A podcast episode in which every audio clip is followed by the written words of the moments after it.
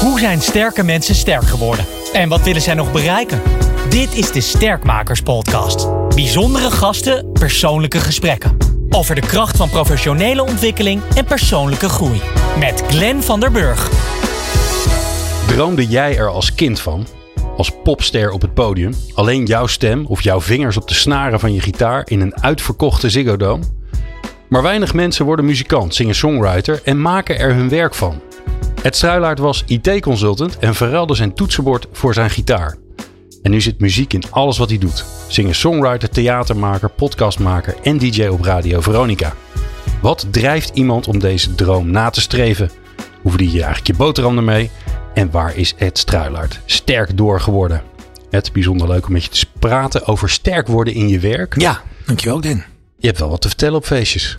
Ja, dat is soms ook wel weer net iets te veel dan ook. Hè? Dat mensen denken van, uh, oké, laat maar, ja, iets ja, muziek. Ja, ja. En, ja, ja, of dan, dat ze dan zelf moeten gaan vertellen dat ze bij de Belastingdienst werken of zo, toch? Ja, precies. Maar dat, uh, ik ben er altijd heel erg in geïnteresseerd wat andere mensen doen. Dus dat vind ik dan ook weer niet erg, weet je wel. Ja. Probeer zo min mogelijk over mezelf te praten. Tenzij mensen echt iets willen weten, nou dan ga ik ook helemaal los. loop ik leeg. Ja. Nou, dat gaan we vandaag doen. Ja. Maar ik neem je eerst uh, nogal een end terug. Want ik heb even geteld. In 1987, daar neem ik je mee naar terug. Toen was je acht. Ja. Wat deed je het liefst als kind van acht? Voetballen. Voetballen? Ja. Oké, okay. en je, je groeide op in Leidschendam volgens mij? Leidschendam, ja, klopt. Had je daar uh, nog veldjes waar je een beetje bal kon trappen? Sterker nog, bij ons voor de deur was, uh, was het voetbalveldje van, uh, van de buurt waar ik woonde. Dus ja, het was echt letterlijk de deur uitvallen en bal om de arm. En ja, de rest van de dag zagen ze me niet meer terug. Nee. Nee, en uh, dat, uh, voor de luisteraars die wat jonger zijn, dat waren de tijden dat je als ouder geen idee had waar je kind uit Nee. Behalve dan dat je ja, rond de etenstijd hard naar buiten schreeuwde en dan kwam er wel eens een ja, keer wat. Hè? Klopt, ja. Ja, herkenbaar. Vertel eens wat over je, over je, je ouders. Wat heb je van ze meegekregen? Wat ik van ze heb meegekregen, eigenlijk dat toch wel de, de sky the limit is. Dat als jij echt iets wil, ja, dan moet je er gewoon voor gaan. Weet je, ik, uh, ik was op zich een hele makkelijke leerling op school. In de zin van, ze hadden nooit last van me. Ik zat gewoon in de klas en... Uh, Oké, okay, je, was niet, je was niet vervelend. Ik was niet vervelend. Ik was gewoon een hele brave jongen. Uh, maar ik ben op een gegeven moment wel twee keer blijven zitten. In de, op de middelbare school. Oké. Okay. Toen is er wel een lampje bij ze gaan branden. Van, hé, hey, kan dit nou? Want hij wordt, er, hij wordt er nooit uitgestuurd. En ja, leraren lopen wel met hem weg. Maar hoe kan, hoe kan dit nou? En toen bleek dus gewoon dat ik... Ja, helemaal niet bezig was met school. je zat met je hoofd heel erg ja, anders. Ja, ik zat met mijn hoofd heel erg anders. Ik was met die gitaar bezig. En uh, ja. ik dacht van ja, die school vind ik maar saai. En ik zat altijd meer een beetje naar buiten te staren. En een beetje na te denken over hoe ik hier in godsnaam weg kon komen. Ja. En kon ontsnappen eigenlijk, want ik vond het zo zonde van mijn tijd. Maar ja, dat wilde niet zeggen dat ik uh, stampij ging lopen schoppen, weet je. Ik was juist tegenovergestelde daarvan. Ja, je werd gewoon heel, uh, ja. blijkbaar een heel mindful mens die gewoon rustig in de klas kon zitten zonder ja. je te rebelleren of iets ja, dergelijks. Ja, ja, ja, ja, dat is pas en later. Hoe, hoe reageerden je ouders daar dan op? Dat je twee keer blijft zitten? Meestal vinden ouders dat niet een heel goed plan. Nee. Nee, ze vonden dat ook niet leuk. Maar ja, ze hebben eigenlijk nooit echt druk op me gezet. Althans, ik heb dat nooit als dusdanig ervaren. Ik, uh, ja, weet je, het was gewoon van, ja, ik weet wel toen het de tweede keer gebeurde dat mijn moeder wel even wat, wat krachttermen eruit gegooid heeft. Ja, mijn vader die heeft zich er eigenlijk überhaupt nooit zo uh, druk over gemaakt. Die had zoiets van, nou, ja, weet je, gewoon je best doen. Dan komt het wel. Ja. Komt het wel goed. En ja. En je zei al, de sky is the limit. Hoe, hoe, hoe hebben ze dat aan je overgedragen? Nou, eigenlijk gewoon door te zeggen van, oh, wil je, wil je muziek gaan maken? Nou, dan ga je dat toch gewoon doen. Als jij er echt in gelooft, dus jij denkt dat dat het is. Dan moet je dat, moet je dat gewoon doen. Maar dan moet je wel voor gaan. Moet je wel je best doen. Dus dat, ja, dat is wel het gevoel wat ik uh, daarin heb meegekregen. En mijn vader tegelijkertijd, die, die was toch wel iets behoudender. En die heeft me wel op een gegeven moment, in 2001, heb ik al een keer de stap geprobeerd te zetten om volledig voor de muziek te gaan. Mm -hmm. Maar dat kwam tien jaar te vroeg. Negen jaar te vroeg eigenlijk op dat moment. En die heeft toen wel tegen me gezegd van doe dit nou niet. Je bent hier nog niet klaar voor. Je bent, dit gaat, dit wordt helemaal niks. ik weet nog dat hij me een keer betrapte in mijn kamer terwijl ik met een, een, soort van boekje van de Kamer van Koophandel in slaap was gevallen op mijn, op mijn bank die in mijn kamer stond. En dat die, nou, die heeft me toen even de huid volgescholden van ja, weet je, als je dit wil, moet je, dit wel, moet je er wel echt voor gaan. En niet half-half. Je hebt geen idee wat je aan het doen bent. Ja, ja, hij zei niet je moet het niet doen. Hij zei je moet het, je moet het doen als Ja. je als je er goed op voorbereid bent, Ja. dat je erover nagedacht Ja, hebt. hij zei letterlijk, je hebt echt geen idee wat je gaat doen. Toen had ik wel zoiets van, ja, daar heb je ook wel gelijk in eigenlijk. Goed punt. Want ik heb, ik heb ook geen idee. Ik weet alleen dat ik dit wil. En ja, dat, dat is toen door een soort van rare samenloop van omstandigheden heb ik uiteindelijk toch wel eigen voor mijn geld gekozen. Het was toen, uh, ik werkte toen op kantoor bij een verhuisbedrijf. Want ik had mijn HAVO uiteindelijk afgerond. Dus na twee keer blijven zitten heb je dat wel toch nog voor elkaar Ja, ja, ik ben twee keer in drie HAVO blijven zitten. Toen ben Is ik ook een lastig jaar. Dat was ook lastig. Voor zeker voor mij wiskunde, ik snapte er geen reet van. Maar ik werd toen teruggezet naar uh, 4 MAVO. En toen dacht ik van, hé, hey, wacht eens even. Deze stof heb ik nu al voor het derde jaar brei. Nu ja, valt er een eitje, kwartje. Ja. eitje, ja. En vanaf dat moment uh, begon mijn opmars. En uh, ja, Oké, okay, dus je hebt MAVO gedaan. Daarna heb je ook nog ben de HAVO terug gedaan, naar de HAVO toch? gegaan. Ja, ja. Ik dacht, ja, ik heb die HAVO, uh, dat HAVO-diploma heb ik gewoon nodig. Wil ik gaan studeren of iets, dan zijn dat de beste papieren die ik kan hebben. Om in ieder geval zo breed mogelijk iets te kunnen doen. Met je studeren, dat, uh, ja, dat, dat zat er toch al niet in. Een, een wetenschappelijke studie of zo, dat, die interesse had ik niet. Dus VWO was sowieso al niet nodig. Dus uiteindelijk toen uh, ja, heb ik mijn HAVO afgerond. En toen ben ik gewoon gaan werken, want ik wilde eerst naar het conservatorium. Dat was stap 1. Dat had je in je hoofd Dat had ik in mijn hoofd. En daar ja. had je die HAVO voor nodig. Ja, daar had ik minimaal HAVO voor nodig. En uh, alleen ja, ik kon geen noot lezen. Nog steeds niet trouwens.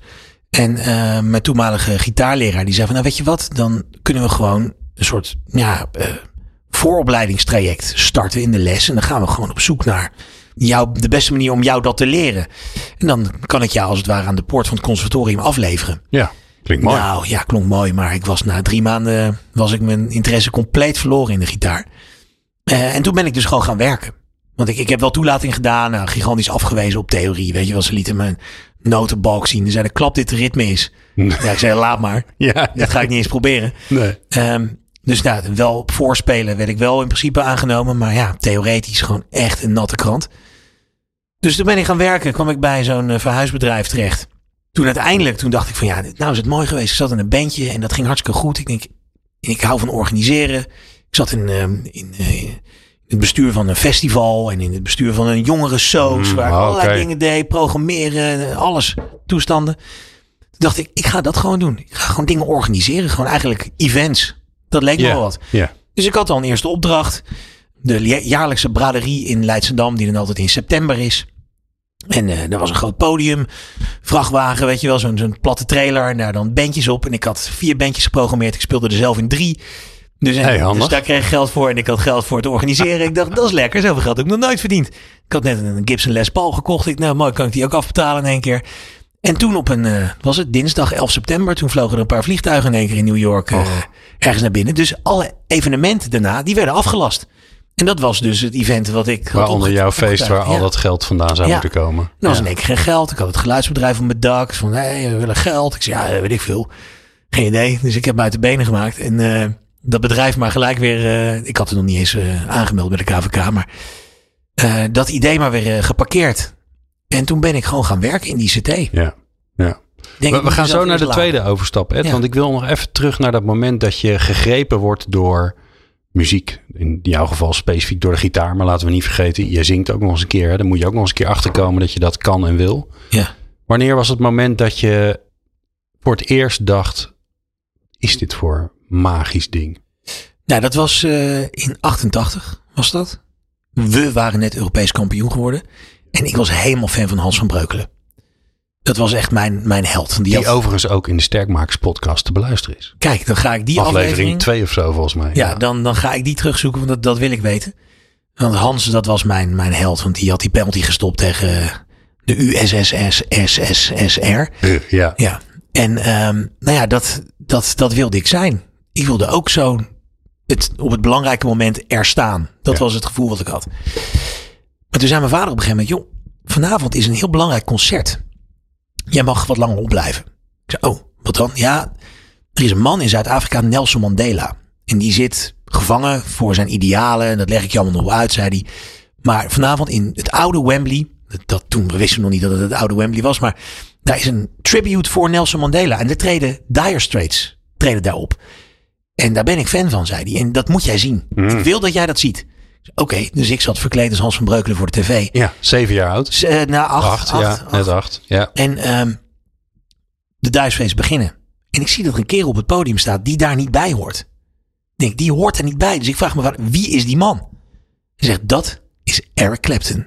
En waarom, ik krijg kippenvel. Wa- waarom wist jij dat hij er niet bij hoorde? Hij zag er heel anders uit. Ja, ja, ja. Had geen hoofdband om. Nee, en hij had een show vol jaren 80 pak aan met van die... eh, Zo'n grote- groot pak. Ja, Ja, zo'n groot. Armani pak. Ja, zo'n Armani pak inderdaad. Was hij helemaal fan van in die tijd. Kom ik later achter. Maar dat, ik zag hem daar staan. En nou, later bleek dus dat de vaste gitarist van Dire Straits... die was de avond ervoor vader geworden. Van een tweeling. En Mark Knopfler had hem vrijgegeven. En die had gezegd, joh, weet je... Ik vraag die Clapton wel Ja, om in te vallen. om, En- om even slaggitaar te spelen. ja, precies. Er, is ook, er staat een heel leuk fragmentje van op YouTube dat Mark Knopfler hem zo aankondigt van ja goed, eh, er liep er iemand backstage en ja, misschien kent u hem wel. Hij heeft hier nog nooit gespeeld, wij wel. Dus eh, weet je, dat was echt zo'n eh, even op zijn plek zetten. Eric Clapton, nou, Iedereen uit zijn dak. toen heb ik gelijk keeperspullen in de, in de open haard gegooid. Maar je werd dus niet door Mark Knopfler gegrepen. Nee. Je werd door Clapton gegrepen. Ja. En wat. Ik bedoel, dat wist je toen natuurlijk helemaal niet. Maar als je terugkijkt, wat was dat dan? Wat heeft die man? Nou, ik weet het nog steeds niet eigenlijk. Maar ik denk gewoon dat het de combinatie was van die twee figuren. En sowieso die gitaar, die, eh, die Fender Stratocaster. Allebei, hè? Ja, dat. En Knopfler speelde volgens mij op een eh, eh, Paul Reed Smith.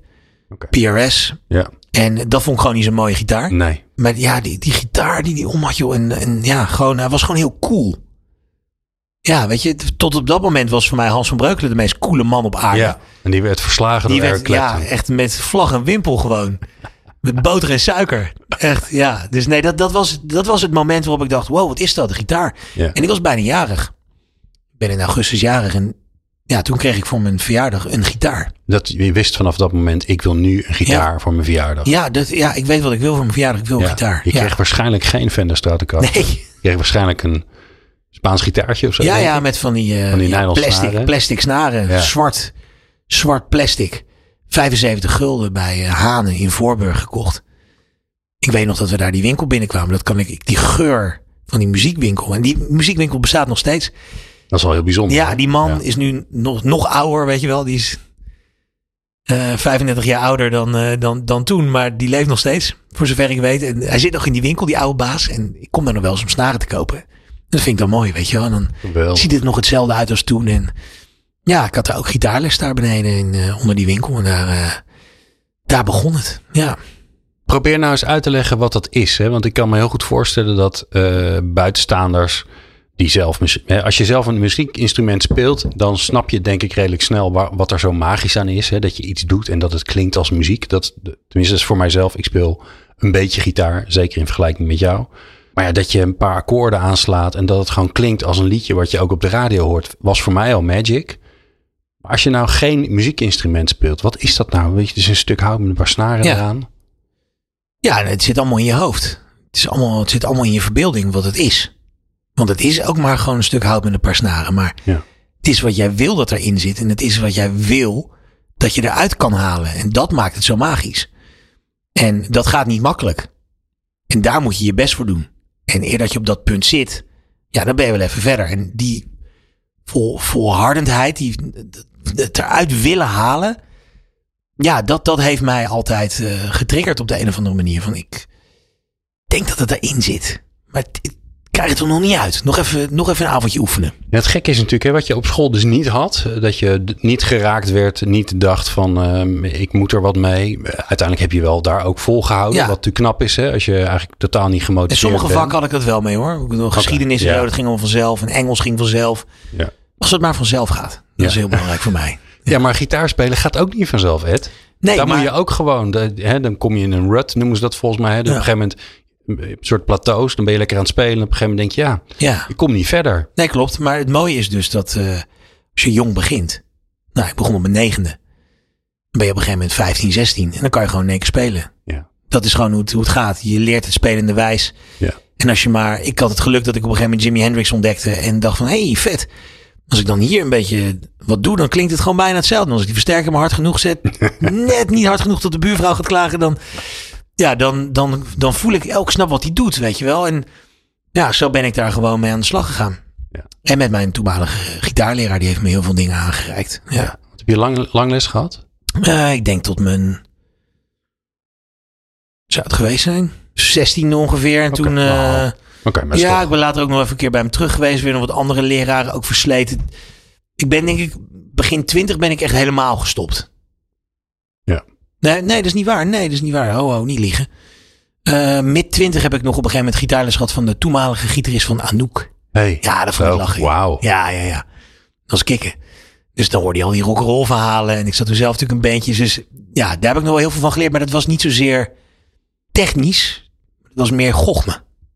Ja, want leg dat eens uit. Nou ja, hoe je op het podium staat met een gitaar. Hoe je het speelt. De intentie. En ook eh Ja, dat je niet de juiste. Het gaat niet om de juiste noot op de, of de juiste akkoorden spelen. Maar het gaat ook over hoe, met, de, met welke power of welke energie je dat doet. Ja, je kan... eh nou, ja, zat hier toevallig een gitaar. Nou, dat, dat, eh, laten we die nou toevallig meegenomen hebben. Is toch handig Ja. als je naast podcast ook nog eens een keer een gitaarwinkeltje hebt. je kan hè? natuurlijk... Ja, dit, ja. Je kan... Of je kan... Gaat er ook anders bij kijken gaan zelfs. Ja. ja. Weet je wel, dus het gaat meer om de... de intentie. Ja, dit is natuurlijk qua sound niet echt helemaal... eh, Nee. eh, maar meer van, je kan spelen wat er staat op papier. Of je kan het brengen. Dat... dat En is dat het ook niet? Dat, is dat het ook? eh, Want ik zat er laatst zelf ook over te denken. Ik dacht, ja, hoeveel, hoeveel, hoeveel noten zitten er nou eigenlijk op zo'n gitaar? Hè? Want je hebt zes snaren. Mhm. Eh, maar ehm, eh, bij, de, bij het vijfde vakje, zeg maar even voor de niet-gitaarspelers, zit je eigenlijk al op hetzelfde niveau als de volgende snaar. Hè? Ja, Dus je hebt, eigenlijk, je hebt eigenlijk niet zoveel om mee te spelen, zou je kunnen ja net zeggen. zoveel als op elk ander instrument, denk ik altijd. Ja, en toch kun je er dus zo gruwelijk veel dingen mee doen. Ja, nee, absoluut, tuurlijk. Ja, je, je, kan, er, je kan er alles mee doen. Eh, het mooie van, van gitaar is, en zeker van elektrische gitaar, is dat je door effecten toe te voegen eh, het hele palet groter kan maken. En dat is natuurlijk in tegenstelling tot een, een piano. En dan een, bedoel Ja. ik een standaard piano een vleugel of hè, een upright.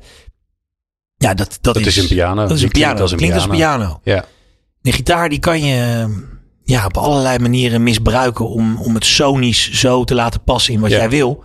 Hier alleen al met de, met de eh, met schakelaar Ja, erop ja, zit. ja. Toch? Er zit dus vijf hij is- standen schakelaar op. Een beetje van... eh, Hij is vals. Nou ja. Ja, er wordt even live gestemd. Dat is mooi, hè? Daar ben je gewoon allemaal bij als podcastluisteraar. Dat is toch wat. nou, kijk, dit is gewoon één... eh, Standje 1. dit is een beetje... Ja. Weet je dat eh Ja. chic uh, Le Freak eh, dingetje? Ja. Dat nou, ja. Heb je standje Knopfler al gehad? Ja, dit is... eh, ja, Standje Knopfler, standje 4? Ja, je hoort hem gelijk al, hè? ja.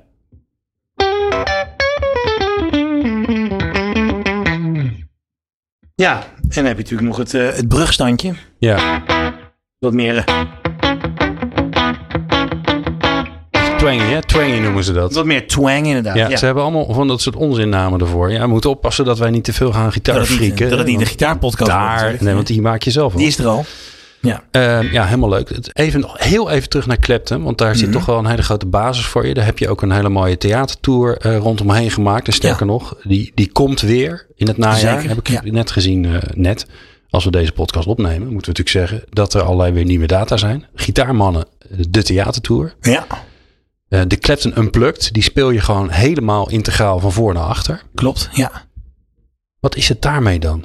Wat, wat dat moet je ook maar elke avond willen spelen, hè? Mhm, klopt. Ja, nee, maar die, die plaat is voor mij heel belangrijk geweest. Dat, ehm, die kwam uit in 1992 en dat was net het moment waarop ik zo in de puberteit kwam en ehm, ja, de interesse voor de gitaar een beetje aan het verliezen was. Oké. Ja.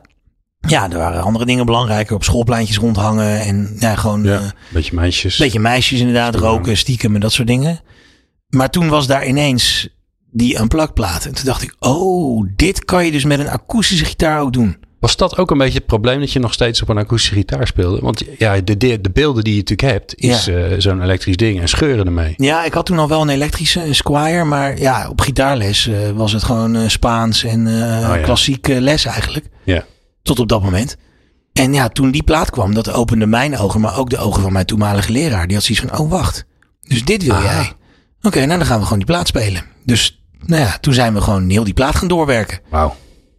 En ja, dat heeft mij toch wel eh, bij de gitaar gehouden. En ervoor gezorgd dat ik, eh, dat ik bleef spelen.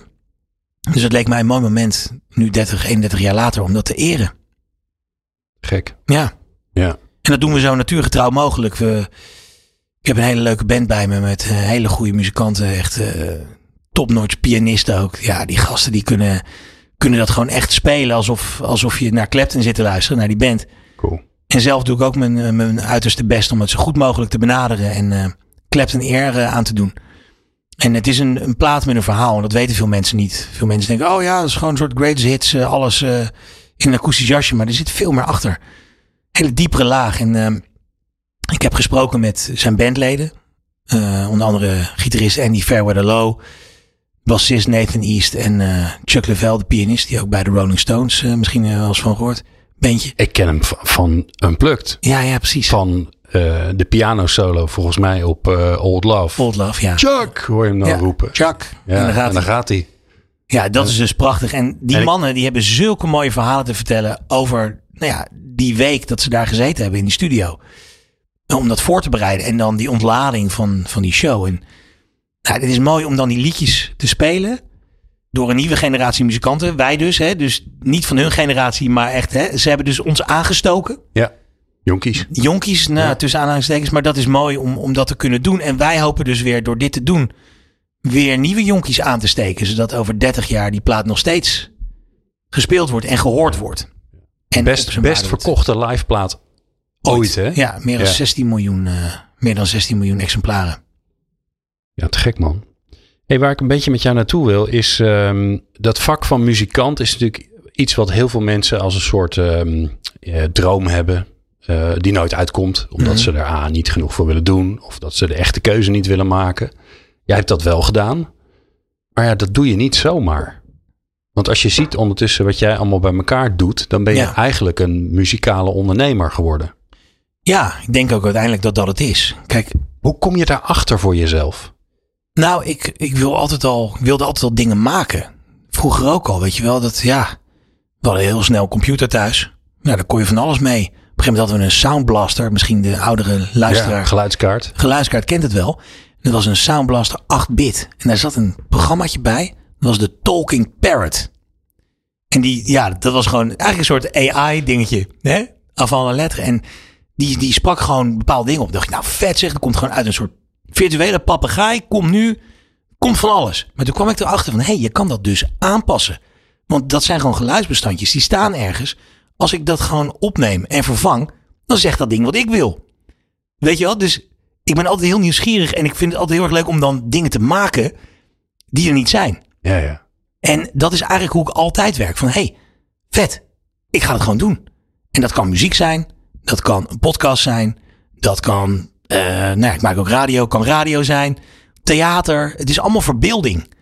En zolang ik dat kan doen, uh, ben ik heel blij. En uh, waar dat vandaan komt, ja, ik denk dat het toch uit mijn, uit de genen van mijn moeder komt. Ja, want? Ja, die, die komt dus uit een circusfamilie.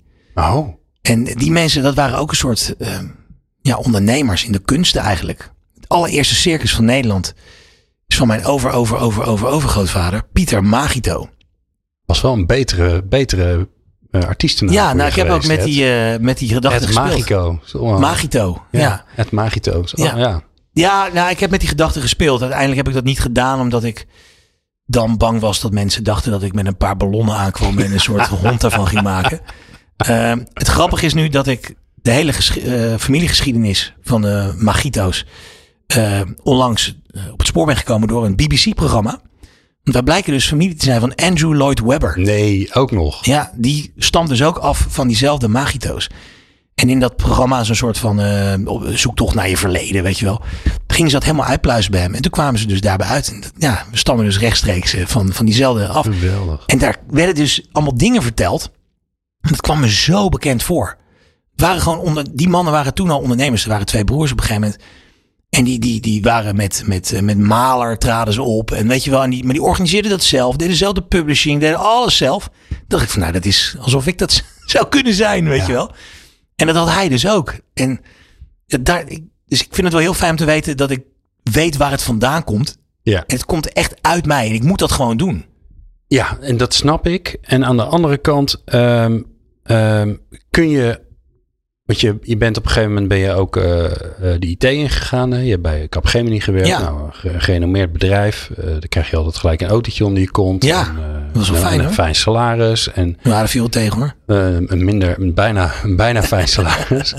Maar da- daar kun je natuurlijk, daar kun je ook comfortabel van worden. Daar kun je ook je, je droom verliezen. Zeker. En dat is niet gebeurd. Nee. Hoe dan? Ehm, nou, dat, het had zomaar wel kunnen gebeuren inderdaad. Dat ik gewoon lekker in die rol was blijven hangen. En een beetje niks had zitten doen de hele dag. En een beetje interessant in vergaderingen had gezeten. Eh, en dan, eh, want op het einde was het ook vrij eh, serieus aan het worden. Een beetje leiding geven over wat mensen. En wat me- ja, gewoon clubjes mensen aansturen. Ja. Nou, dat komt prima vanuit Utrecht. Weet je wel, mooi. Elke maand het salarisje. Maar ik was ook gewoon drie, vier keer in de week aan het optreden. Oké, dat bleef gewoon doorgaan. Dat bleef gewoon doorgaan, want ik was aan het bouwen aan die muzikale carrière. Dat was de droom. Ja, dat ik ook nog een baan erbij had. Ja, eh, ja, Beetje ik, moet, bijzaak. ik moet toch ook geld verdienen. Ehm, maar ik kwam dus echt op een soort kruising van wat ga ik nu doen? En ik werd toen 30 en mijn vader was net overleden. En dat is de ideale Dat is cocktail. vroeg om je vader te verliezen. Ja, zeker. Dat was heel vroeg. Hij was ook heel jong. Hij was eh, 59. Dus ja, eh, dat was, dat was een, toch wel een heel belangrijk moment in mijn leven. Van, wat wil ik nou? Wat ga ik nu doen? Ik sta nu op een kruispunt. Ik heb nog geen kinderen voor zover ik weet. Ga ik hier comfortabel blijven in die baan? Of kies ik voor mijn droom? En ik was toen wel in de En gelukkige... was dat overlijden van je vader dan ook een soort ehm, ja, eikpunt, wake-up call? Eh, Oké, want dat heb ik zelf altijd als er weer mensen overlijden. Dan denk Ja. ik, oh ja, dat is ook, hè, los van, het, van al het verdriet wat er natuurlijk in zit, is het ook altijd weer een, her, een herinnering aan het feit dat het leven ook eindig kan zijn. Zeker. En dat kan ook morgen gebeuren. Dat Exact. hopen we natuurlijk allemaal niet. Nee, Was dat bij jou dan ook zo dat je dacht, ja, wat zit ik nou te doen, joh? Wat Ja, wil ik nee, nou absoluut. echt? nee, zeker. Maar dat wist ik eigenlijk altijd al.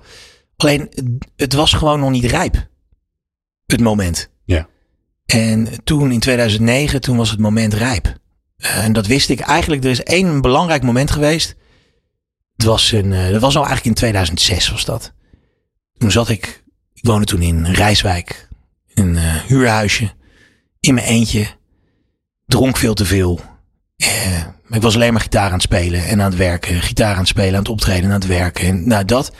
En ik zat op een zaterdagavond heel triest, alleenig thuis met mijn gitaar op schoot. Fles wijn, die was al leeg. En toen schreef ik in één keer een liedje, dat nummer heet Tricks Up My Sleeve. En ik schreef al heel veel liedjes, maar zoiets had ik nog nooit geschreven. En ik wist, ik schrok van dat liedje, want dat kwam er echt in één keer uit. Wat was er dan anders aan?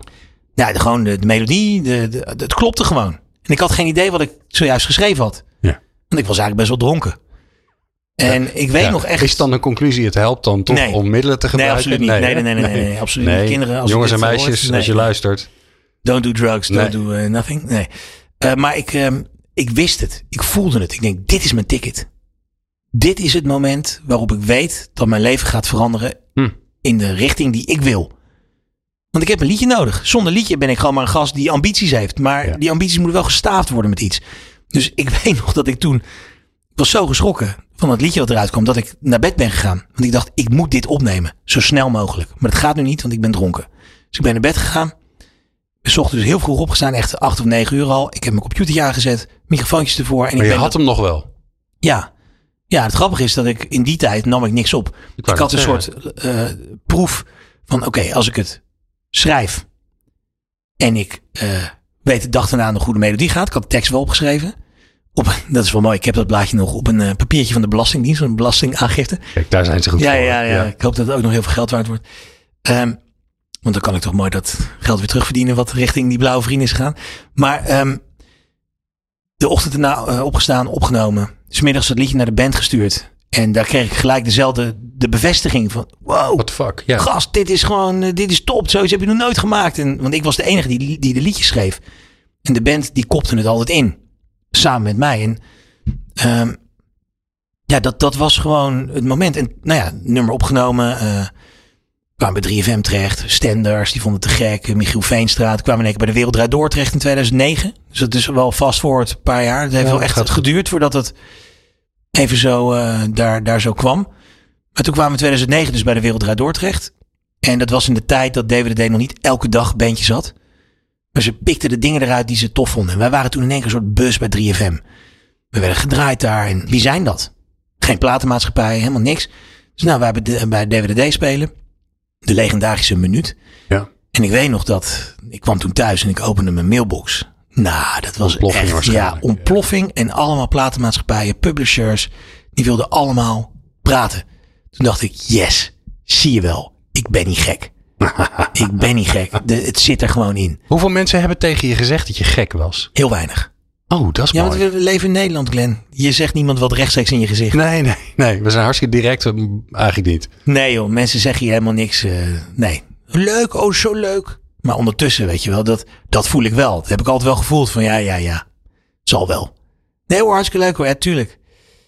En mensen, er zijn wel eens mensen geweest die hebben gezegd van... eh ja, dat moet je niet doen. Nou, het is toch kansloos. Nou, dan, ben, dan word ik heel Maar boos. het is, hè, even, word ik gewoon heel boos. Nee, dat snap ik. Aan de, de andere kant van de medaille is ook dat het in Nederland ongelooflijk lastig is. Want we zijn een klein rotlandje. eh waarderen onze sporters, onze kunstenaars, onze muzici, die waarderen we veel te weinig. Ja, Eh, zowel eh, in woord als in portemonnee. Ehm, dus je kiest niet voor een makkelijk, je kiest voor een, voor een, een lastige weg. ja. En dan heb je waarschijnlijk inderdaad ook nog een hele schare mensen die zeggen: ja, nee, dat is een hobby. Wat jij doet. Ja, ja, ja, nee, Toch? tuurlijk. Dat is- ja, maar hoe verdien je dan echt je geld? Ja. Ja, dat heb ik overigens podcastmaker ook Ja, lang- ja. lang gehad. Ja, Mensen zeiden, oh leuk. En eh, Wat doe je ernaast? wat, wat doe je om Ja. je geld te verdienen? Ja, kijk, dat, dat is wel een beetje hoe het dan eh, hoe dat gaat. Maar ja, ik ben gewoon ontzettend eigenwijs, blijkt. Terwijl ik het zelf eigenlijk nooit zo ervaar. Eh, maar ik schijn heel eigenwijs te zijn. En ja, als ik iets in mijn kop heb, dan zit het niet in mijn kont. En dan ga ik het gewoon doen. Ja. En dan zie ik het wel. Ik geloof er zelf gewoon ontzettend in. En ik had echt met dat liedje zoiets van, ja, dit, dit is gewoon, dit is gewoon goed. Dit is toch net echt? Weet je wel zo, dat gevoel. En zolang ik dat nog steeds heb. En ik heb nu weer een nieuw liedje uit. En die Mhm. hoorde ik net weer op de radio voorbij komen. En denk ik, god, het is toch net echt? Ja, dan, Ja. Ben, dan ben ik blij. Echt een lekker plaatje. Ik, nou ja, ik, ik, ik haalde je net even op van het parkeerterrein. En eh, toen zei ik al tegen je, ik heb vannacht last van je gehad. Want het is echt een oorworm. Move on heet het, eh, heet Ja. het, heet het plaatje. En het zat gewoon vannacht. Ik kon niet zo goed slapen vannacht. Ik weet niet, ik had allerlei dingen door mijn kop. Maar dus Ja. ook jouw plaatje. Dat ging op een gegeven moment ook aan. Oh, Dat ik dacht, oké, hoe ga ik dit ook weer uitkrijgen? Dus ik heb echt mijn oortjes vannacht ingedaan en, eh, en een luisterboek opgezet om, je, om van jou af te komen. Dus dank, dank Ja. daarvoor. Ik kan ook altijd nog bij Greenpeace gaan werken of zo. Ja. Oh ja, ja, ja. van hardnekkigheid. Van, van, van, van jezelf vastketen. Ja, ja, ja. ja. Hey, wat, wat zijn nou de kwaliteiten die jij, hè, los van het feit dat je natuurlijk, eh, je moet muziek kunnen maken, je moet kunnen verbeelden, maar je bent ook een ondernemend mens. Welke kwaliteiten heb jij nou nodig om al datgene wat jij doet, hè, want je maakt je eigen muziek, je hebt je theaterprogramma met, eh, nu met Clapton, ja. Eh, je maakt uh, Gitaarmannen de podcast, Ja. voor alle gitaristen aan te raden. Ehm, je maakt audiovormgeving voor podcast tegenwoordig. nog, ja. Dat doen, Ja, wij, doen wij samen. Tenminste, ik, ik een klein beetje, jij doet het werk. Eh, God, ben ik nog dingen vergeten? Ja, Radio, radio ja. DJ ben je natuurlijk ook nog eens een keer. Eh, je hebt de muziek voor eh Sof the Musical geschreven. Je schrijft muziek voor anderen. dus anderen, het is ja, heel erg Heel divers. Ja. Ja, en dan vraag je welke Wat, kwaliteit. ja, wat vraagt dat nou van, je, Ja. van, van ja, wat zit erachter? Nou, dat je daar niet te veel over moet nadenken. Maar gewoon moet doen. Ja. Want ja, je vraagt het nu aan mij. Dan kan ik nu wel met een heel wijs antwoord komen. Nou, probeer het eens. Maar nou, ik denk gewoon dat je... Je moet proberen zo lang mogelijk heel naïef te blijven. En, en dus gewoon niet te veel nadenken. Maar gewoon doen. Ja. Goh, wat leuk. Nou, daar heb ik zin in. Ja. Zo, vet, weet je wel. Dat je dan na het eten, kinderen liggen op bed, zegt tegen mijn vriendin... Wil jij vanavond nog iets doen? Of kan ik eventjes... misschien- Want ik heb, ik heb echt zin om even dadelijk wat te af. maken, weet je wel. Ja. En dan eh zeggen ze, nou joh, ga maar even, want ik zie dat je er zin in hebt. Nou, oké, dan ga ik. En dan, eh, ja, dan kom ik s'avonds om 12 uur eens een keer, lukt het me om met pijn en moeite mezelf los te trekken. Want ik vind het gewoon zo leuk. En eh, ik wil ook niet kiezen. Ik heb in het verleden wel gekozen, want ik denk namelijk wel dat eh, om tot dat punt te komen van, van alles willen doen, moet je wel een hele periode hebben waarin je wel duidelijke keuzes maakt. En dat heb ik op een gegeven moment wel gedaan. Ik, ik heb toen ik dus mm, 4, 25 was en in, in dat bandje zat, heb ik heel duidelijk gekozen. Oké, alle nevenactiviteiten wat ik leuk vind om te doen. Dus dat is het programmeren van een festival. Het programmeren en organiseren van dingen in een jongerencentrum waar dus ook heel veel muziek was. Spelen in meerdere bandjes, alles aan de kant. Er is één ding belangrijk. Dat is het ene bandje. Dat is het maken van muziek. En dat ga ik gewoon doen. Daar ligt de focus op. En dat had ik nodig om dat tot een bepaald niveau te krijgen. Dat het acceptabel was. Want als ik nu dingen terugluister, dan denk ik wel eens bij mezelf: hoe is het me in vredesnaam gelukt om hier te komen? Want het was echt tien jaar geleden, was het echt niet zo goed, vond ik hoor. Nee. Maar dat is dan weer die eigen kwaliteitsslag die je overheen legt. En, uh, maar toen geloofde ik er heilig in. Weet je wel, je moet heilig geloven in wat je zelf maakt. Op het moment dat je gaat twijfelen aan wat je maakt, dan is het klaar. Dan moet je gewoon kappen. Ja. Dan moet terwijl je je, terwijl je eh, ik, ik, ik kijk nog wel eens wat documentaires over eh, muzikanten. Bijvoorbeeld Clapton ook, waar prachtige dingen over te vinden zijn. Eh, maar er zit ook vaak heel veel twijfel in, Ja, juist. ja, maar dat zit in het hele proces toewerkend naar. Dat is één nul twijfel, want we zijn hartstikke onzeker en weet je wel. Ja. Maar op het moment dat het klaar is, Dan is het goed. Dan moet het Dit goed is zijn. het. Ja. hier sta ik achter 200% Maar als ik het dan volgend jaar terugluister, dan denk ik, jee, wat- Ja. oh, heb ik dit ooit? Had ik niet nog een twee weken. Maar nu, voor nu, ga ik erachter staan, achter die nieuwe single. Ik, ik sta achter die plaat. 200% Dit is het beste wat ik nu kan maken. Ik had het niet beter kunnen doen. Ja. Heb je, mij- daar, heb je daar anderen voor nodig? Om, om de, want je kunt natuurlijk eeuwig doorgaan met poetsen en schaven. en een beetje dit erbij en dat eraf. En eh, ja, nee, ja, die, Mhm. ja, er zitten nu blazers in. Ja, die blazers. Ik wil ze toch een beetje meer links, een beetje meer rechts. Ja. Je kan maar doorgaan. Klopt. Nou, wat ik nu, ik, ik had, eh, ik, ik heb heel lang samengewerkt met mijn uitgever. Ik, zit al sinds dus 2009, toen bij- na de Wereld Door, ben ik bij die uitgever beland. En ehm, ja, met die man had ik echt een, een vertrouwensband. Die stuurde ik alles op. En nou ja, maar die is weg. Die is naar, nu naar een ander bedrijf. Oké. Dus dat is weg. Ik kan niet meer zo makkelijk klankborden. En nou ja, ehm, dus daar zit nu iemand anders voor in de plaats. Daar ben ik nu een nieuwe relatie mee aan het opbouwen. Ja, want dat is Ehm, best wel een, een gevoelig ding, toch? Je stuurt iets op wat niet af is. Klopt. Ja, dat. En dus ik moet die mensen die daar nu nieuw zijn, moet ik leren kennen. Met andere woorden, ik moet weten van als zij commentaar erop hebben, hoe ik dat dan moet inschatten. Wat ik daarmee moet. Ja. Moet ik daar wat mee? Of moet ik daar juist niks mee? Vanuit welke positie zeggen zij dit? Ja. Welke smaak hebben zij?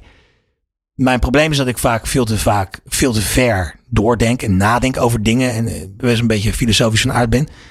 Dus ik kan daar wel een beetje in verzanden van, oké, hoe moet ik dit dan inschatten en weet je wel. Maar ik- tegelijkertijd ben ik ook een gevoelsmens. Dus op een gegeven moment dat ik snap hoe die mensen in de wedstrijd zitten, dan kan ik dingen van ze aannemen. Tot die tijd kan ik niks van ze aannemen. Nee. Want dan weet ik niet hoe ik het moet inschatten. Dus dan ben ik mijn eigen bullshit radar. Dus daarom heeft deze nieuwe single langer geduurd dan dat ik normaal gesproken zou doen. Oké. Het heeft me extra tijd gekost. Normaal gesproken ben ik zo iemand van, oké, ik heb het idee, nummer is er, het nummer is af, ik neem het op, mix het, ik master het. Nou, ben ik misschien een weekje zoet mee, maar dan is het klaar. Maar nu had ik dat extra klankbord niet, dus ik moest continu eerlijk zijn naar mezelf toe. Is het goed? Hm. Ja, het is wel goed. Oké, Wat heb je daarvan geleerd? Want dat lijkt me hartstikke lastig. dit was een hele lastige. Ja, dit was een hele grote uitdaging. Wat ik ervan geleerd heb, is dat ik zelf donders goed weet wanneer iets klaar is. Alleen ik moet soms opportunisme even naast me neerleggen. En eventjes ru- rust bewaren.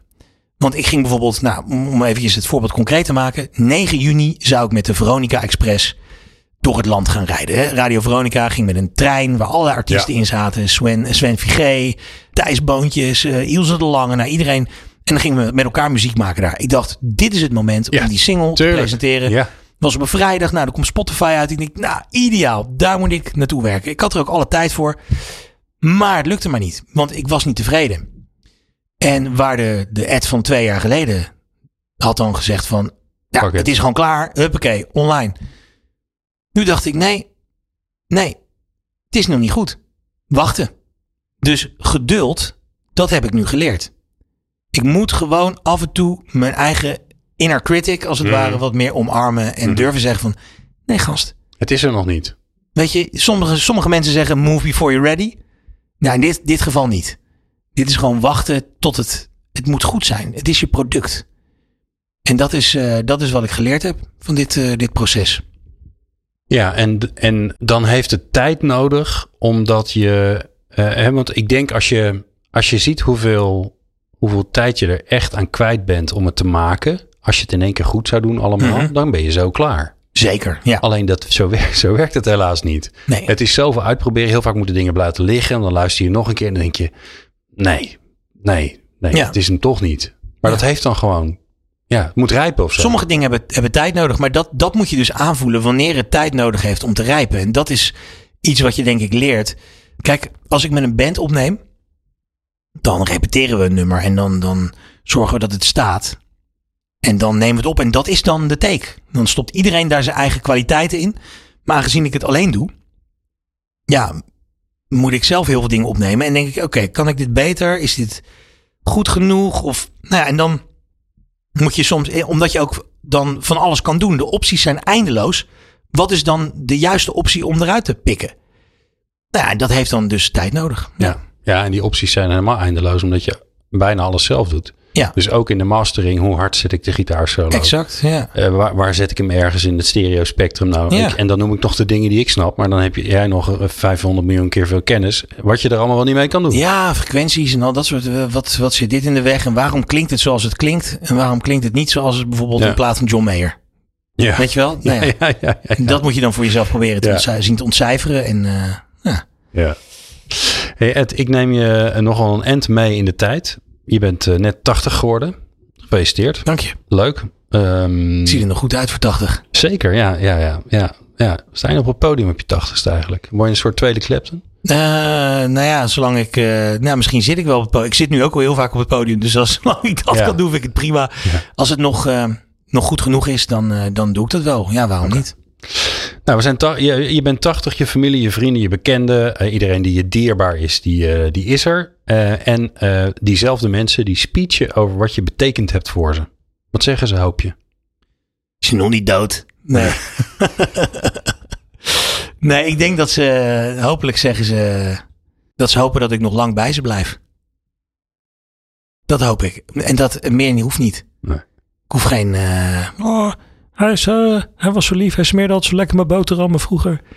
Nee, kijk, eh, dan hoop ik gewoon dat ze zeggen van nou, het was gewoon een aardige pik. Ja. En eh, hij, deed, hij heeft zo zijn best gedaan, maar het is niet gelukt. Hoe wil je als, hoe wil je als muzikant eh, herinnerd worden? Wil je dat überhaupt? Ja, zeker. Ja, ja, ja. Oké. Nee, Je absoluut. wil wel ja. onsterfelijk zijn. Ja, heel graag. Oké. Kijk, ik wil ook dat er gewoon over 300 jaar over mij gesproken wordt. Zoals ik nu over Pieter Magito spreek. Ja. De eerste circusdirecteur van Nederland. Ja, dat iedereen wil onsterfelijk zijn. Ja, of dat gaat lukken, dat zal de tijd uitwijzen. En, ehm, Maar het is gelukt. nou, Want je ja. bent 80. Oh, ik ben 80, ja, Ja, het is je gelukt. Ja, nou dan, Wat zeggen ze dan? dan zeggen ze, we hebben hem altijd onderschat. Ah. Dat zeggen ze. Oh, is dat een beetje... beetje eh, Calimero-syndroom Ja? zit er wel in. Jawel. ja, zit dat er wel in? Nou ja, kijk, ik, omdat ik dus alles alleen doe en geen groot label achter me heb en weet ik het wat, moet ik wel tien keer zo hard knokken om mezelf eh, zichtbaar te krijgen. En eh, de, kans, de kansjes die je krijgt met beide handen aan te grijpen. Ehm, en ja, weet je, ik heb nog geen grote hit gescoord in die zin van, eh, eh, weet je wel, de, de, de, nummer 1 in de airplay. Eh, is volledig eh, dat iedereen in heel Nederland weet van dit nummer, Dit nummer. Ja. dit is hem. Ik heb wel een liedje wat nu, wat nu platina is. Dat is geweldig. Ben ik super blij mee. 22 miljoen keer gestreamd. Ik wou net zeggen. Ga, ik ga, Goedemorgen. ga ik mezelf maar eens... 22 miljoen alweer. Ja, inmiddels. Ja. Ja, de eerste keer dat jij ontmoette was het 20 miljoen. Dus er is Ja, het 10%, gaat- 10% bijgekomen. Hij tikt lekker door. Maar ja, ik sprak laatst iemand. Ik had een optreden ergens. En toen kwam er een vrouw, een vrouw naar me toe van... eh, oh, ik wist niet dat jij dat was. Ik eh, strijk altijd zo lekker op dit nummer. Ja, Ja, het is een super strijknummer. super strijknummer. Nou, ik zou je het sterker vertellen. Ik, ik was laatst bij een concert van Paul Weller. Dat is toch best een held. Ja, En toen ging ik even kijken bij zijn, eh, zijn hits. Nou, jij hebt er meer streams, eh, vriend. Ja. Met, jou, eh, met jouw plaat. Ja, maar dat is, we leven in, in interessante tijden.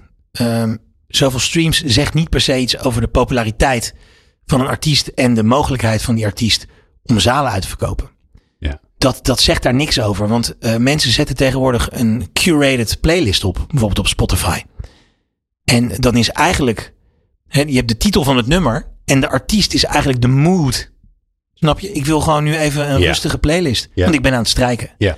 Dus ik zet het koffiehuis op, op Spotify, ik noem maar wat. En daar zit jij in. En daar zit ik dan in. In het koffiehuis. Snap je? En ik kom er voorlopig niet meer uit. Nee. Ik zit er al vier jaar Dat is in. gewoon een koffie. non-stop. Ja, je, je hoopt dat je erin blijft, toch? Ik hoop, ja, elke dag kijk ik weer. Denk ik, laat me erin. Ja.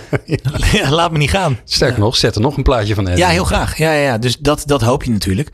Eh, maar ook, ook die wereld gaat weer veranderen. En eh, met de komst van AI. Dus het is allemaal tijdelijk. We zitten in een transitiefase naar.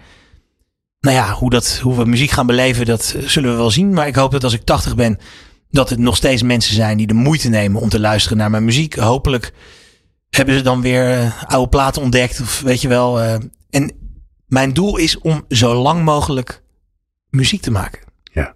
Zo lang mogelijk te doen wat ik doe. Als dat lukt, dan is het, dan is het gelukt. Je bent eh 80, je bent een wijs mens ondertussen. En je ziet er ook nog goed uit, dat is wel mooi. Eh, je kan nog fantastisch spelen, je vingers doen het allemaal nog. Niet heel onbelangrijk als gitarist. Ehm, stel je voor, je komt je 20-jarige zelf tegen. En die mag je advies geven. Wat zou je zeggen tegen jezelf? Dan eh, zou ik de ouderwetse Barry Stevens uit de kast halen en zeggen vooral doorgaan. Ja. ja, echt waar. Ja. Niet nadenken. Gewoon doen. Zijn er momenten die, eh, waarbij je zegt, ah, nou dan had ik net even een tikje links of iets harder of... Nou, er zijn wel dingen gebeurd. Ik had, eh, ik had graag wel wat meer kennis gehad voordat ik mij in de slangenkuil begaf. Hmm. Want ik heb wel eens een contract getekend wat ik niet had moeten tekenen. En dat, eh, daar wil ik wel kort iets over zeggen. Dat heeft alles te maken met masterrechten. Dus je schrijft een liedje, dan ben jij dus de auteur. Buma Stemra, even makkelijk gezegd. Ja. De platenmaatschappij die het uitbrengt, die is eigenaar van de master. En dan krijg je royalties als artiest. 20%, 15% als je een slechte deal maakt. Daar zit eigenlijk het meeste geld. Anders waren er ook geen platenmaatschappij geweest. Ja. Wij deden toen met het bandje waar ik in zat, met dat liedje Tricks Up My Sleeve, deden we mee aan een wedstrijd op 3FM. Praat over 2008. Waarin wij dus dat liedje opnieuw mochten opnemen met een Engelse producer waar nog nooit iemand van gehoord had, maar hij had met Radiohead gewerkt. Was het verhaal. En dat was in een studio in eh, Uden. En Daar nou komt die Ude. ja, in Ja. Uden Ja. de Markant Studios. En eh, het was een markante situatie, want we hebben die producer drie dagen niet gezien, want die had een, een Nederlandse scharrel, een groupie, waar hij dus drie Ja, ja. dagen mee heeft liggen flikvlooien. We hadden dus een contract ondertekend, waar het logo van 3FM boven stond, maar dat was dus een contract van de studio. Aha. De studio was dus eigenaar van de master. Maar dat wisten wij helemaal niet, want we hadden geen idee. Nee. Maar wij dachten, oh, dit is gewoon even formeel dingetje, weet je. Ik heb je net ook even iets eh, getekend. Nee, ik snap waarom jij wel? toch aandachtig zat te lezen. Ja, nee, maar daar leer je van. Maar, maar dat, dat doe je in vertrouwen. Maar in dit geval dacht ik, het is vertrouwd, er staat 3FM boven. Vast goed. Toen kwamen we bij de Wereldrijd Door. Nummer werd een succes. Dus ik denk, dat nummer moet als de sodemieter op iTunes. Want dat was op dat moment de plek. Dus ik had het toen, de dag voordat we bij DWDD kwamen, op iTunes gezet. Nummer gelijk, bam, in de top 10 van iTunes eh, daarna. En toen belde die studio. Die zei van, eh, leuk dat je dat gedaan hebt. Ja. Eh, we gaan toch samen een heel album opnemen. Toch, dat is toch het idee. Toch, toch, toch. Heb je voorstel voor gedaan? Ik zeg, nou, ik zeg, het ijzer is nu zo heet. We gaan nu toch eens even kijken hè, met eh, Universal of met bla bla bla. Wat we kunnen doen. Nou, toen zei hij, oké, maar dan moet het nummer nu van iTunes, af. af, Want, want ik, ik- ben de eigenaar. Ja. Ik zeg, wat? Jij bent de eigenaar? Dit is mijn liedje. Ik bedoel, ik kwam net kijken. Ik wist van niks. Dus ik heb toen in blinde paniek 3FM gebeld en gezegd van, jongens, wat is hier aan de hand? hel, ja. Nou, daar gingen dus ook alle alarmbellen af. Ik werd toen teruggebeld door de toenmalige zenderbaas Florent Luiks. Dat was de hoogste man van 3FM. Die belde mij gewoon. Eh, ja, Ed, eh, excuses. eh, ja, we- de- wij wisten het ook niet. Het is ja, door die studio. En ja, ik zeg, ja, maar jullie logo stond erboven. Wat, wat, wat is hier aan de hand? N- dit komt goed. Wij gaan dit regelen. Dit komt voor elkaar. Ik zei, oké, graag. Maar ik moet het nummer nu wel van iTunes afhalen. Ja, ja, doe dat maar, doe dat maar. Ik nummer van iTunes afgehaald. Nummer werd niet meer gedraaid op 3FM. Och, Het momentum was weg. och. Wat een hel. Dat was zeker Toch? een hel. Maar wij zijn toen eh, gelijk weer de studio ingegaan. Hebben we een nieuw nummer opgenomen. We dachten echt, eh you. We doen het op onze eigen manier. We gaan door. Daardoor hebben we wel toch de goodwill vastgehouden. En, maar later hoorden we dus van een, een nacht-dj. Waar we toen ook een keer te gast waren. Die zei van, goh, wat ik eh, gehoord heb van... ja, als dat niet was gebeurd, dan was het nummer zo op de playlist terechtgekomen. En dan had het allemaal... Ja, dus het had heel anders kunnen lopen. Ah, Tegelijkertijd is dat leergeld die ja, dat moest gewoon betaald worden. Ja. Blijkbaar. zet dus niet zomaar je handtekeningen. Zeg Dat jij dan tegen je 20-jarige zelf. Lees jezelf in. Snap waar je aan begint. Normaal, ja, ik ga aan jou ook stellen. Ehm, soms heb je wel eens twijfel in je hoofd als je vragen aan het stellen bent. en Daar weet je alles van. Weet ik alles van. Ja, de vraag die ik eigenlijk aan iedereen stel, die ga ik toch ook aan jou stellen. Vind ik toch leuk. Welke vraag zouden mensen zich zelf vaker moeten stellen als ze sterk willen worden in hun werk? Om een beetje stil te staan. Ja. Ehm, wat, ze, wat je dan aan jezelf moet vragen is: ben ik nog op het, zit ik nog op het juiste spoor? Doe ik nog wat ik doe, wat ik wil doen? Want als je jezelf die vraag stelt en je kan het beantwoorden met ja, nou dan weet je dus dat je goed bezig bent. Lekker Maar bezig. Ja. Vaak kom je er op die manier achter dat je dat er allerlei randzaken zijn bijgekomen en heel veel kladder, weet je wel? Heb jij dat ook? Ja, zeker. Want je creëert natuurlijk heel veel. Je bent, Ja. je bent een, een ja-mens, hè, dus er komt wat langs en zeg je ja, leuk. En dan Nee, ga je het doen ja. en maken. Ja. Je moet ze nu dan, dan snoeien dus. Absoluut. Eh, het belangrijkste wat je leert als je het heel druk eh, hebt, is nee zeggen. En dat kan ik inmiddels wel goed. Dat heb ik wel geleerd. Eh, ik vind het nog steeds moeilijk om te bepalen wanneer ik zeg maar echt vol zit qua werk. Wanneer er echt niks meer bij kan. Wanneer ik tegen die grens aanloop. Maar tegelijkertijd geeft het me zoveel energie dat ik niet eh, s s'nachts in bed lig zo van... Oh, Nee. Oh nee, ik weet niet meer hoe ik het allemaal moet. Ah, het lukt me niet meer. Ah, dat ik blokkeer. Nee, dat heb ik niet. Nee. Ik zit juist nu weer in een hele creatieve periode. En ik merk dat ik gewoon. Nou, ik kan elke dag een liedje schrijven als ik wil. En dat is gewoon heel fijn. Dus, dus ik stel mezelf regelmatig de vraag: Doe ik nog wat ik het liefst wil? Zit ik nog op het juiste spoor? Ja, doorgaan. Niet te veel nadenken. Ja. En, dan- nee, snoeien. Ja, als ik denk van nee, dan is het inderdaad snoeien, cut the crap. Hopelijk blijf je gezond, want dat is waar het om gaat. Hè? Dat je niet alleen, het gaat om die mentale gezondheid, waardoor je kan blijven doen wat je doet. Maar zeker bij jou kan ik me goed voorstellen dat je niet meer creatief kunt zijn. Omdat je gewoon vol zit in je kop. Ja, dan, dan gebeurt er natuurlijk niet zoveel. Nou, ik heb dat dus vorig jaar eh, gehad. Om daar nog even kort op eh, aan te refereren. Want ja, dat was dus na corona. eh, Waarin ik mezelf helemaal opnieuw moeten uitvinden. Omdat ik ja, kon niet meer optreden. Dus ik ging livestreamen. Het allemaal dingen bedacht en gedaan. En dat was toen in één keer weg. En toen stond ik daar in één keer als het ware met mijn gitaartje om mijn nek. Van, en nu? Muziek maken was eigenlijk helemaal niet meer... Ik stond in een overlevingsstand. Ja. Ik moest vanuit die overlevingsstand weer terug naar... Oké, ik ben die creatieve gast die het liefst muziek maakt. En dat was de moeilijkste overgang die ik tot nu toe ooit heb gehad. Want ik dacht echt even dat ik het kwijt was. Het hele creatieve was gewoon weg. Ja, creatief op andere vlakken. Video en audio dingetjes en maken en zo. Dat ging allemaal wel. En radio en eh, theatershow. Maar zelf zelf iets vanuit iets maken. niets iets maken wat in één keer op de radio gedraaid wordt. Dat was weg. Ik wist het niet meer. En daar heb ik dus begin van dit jaar heb ik dus eigenlijk mijn agenda leeg geveegd. Gezegd, ik ga nu gewoon twee maanden. Geen nieuwe afspraken. Als iemand wat aan me vroeg, zei ik nee, nee, kan niet, nee. Ik ga gewoon muziek maken. En dat ben ik gaan doen. En ja, nu ben ik weer boven Jan. Dat had ik nodig. Dus dat is die, die nee-factor die dan in één keer eh, gaat tellen. Die, die moet je jezelf wel gunnen. We moeten nog iets met die gitaar doen, Ed. Oh jee. Ja, en eh, ik, ik kan er allerlei vragen aan je stellen. Eh, ik zat net te denken, wat wil je op je, wat, wat, wat wil je op je, op je begrafenis? Maar dat is ook weer zo ongezellig.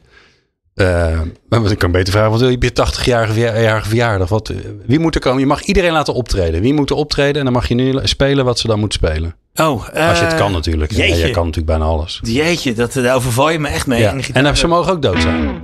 Eh, dan zou ik eh, zeggen... eh, pff, dan hoop ik dat eh, John Mayer nog leeft. En dan mag hij... Echt waar, joh? Ja, dan hoop ik dat hij dan nog leeft. En dan mag hij... eh, die is dan eh 82.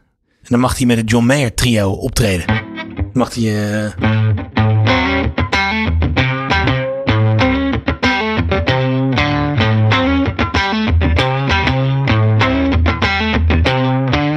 mag hij dat spelen. Try. Eh, who do you think I Oh, was? who do you think Want I dat vind ik namelijk een mooie ook om aan te refereren. Als je wie denk je dat ik was? Ja, te gek.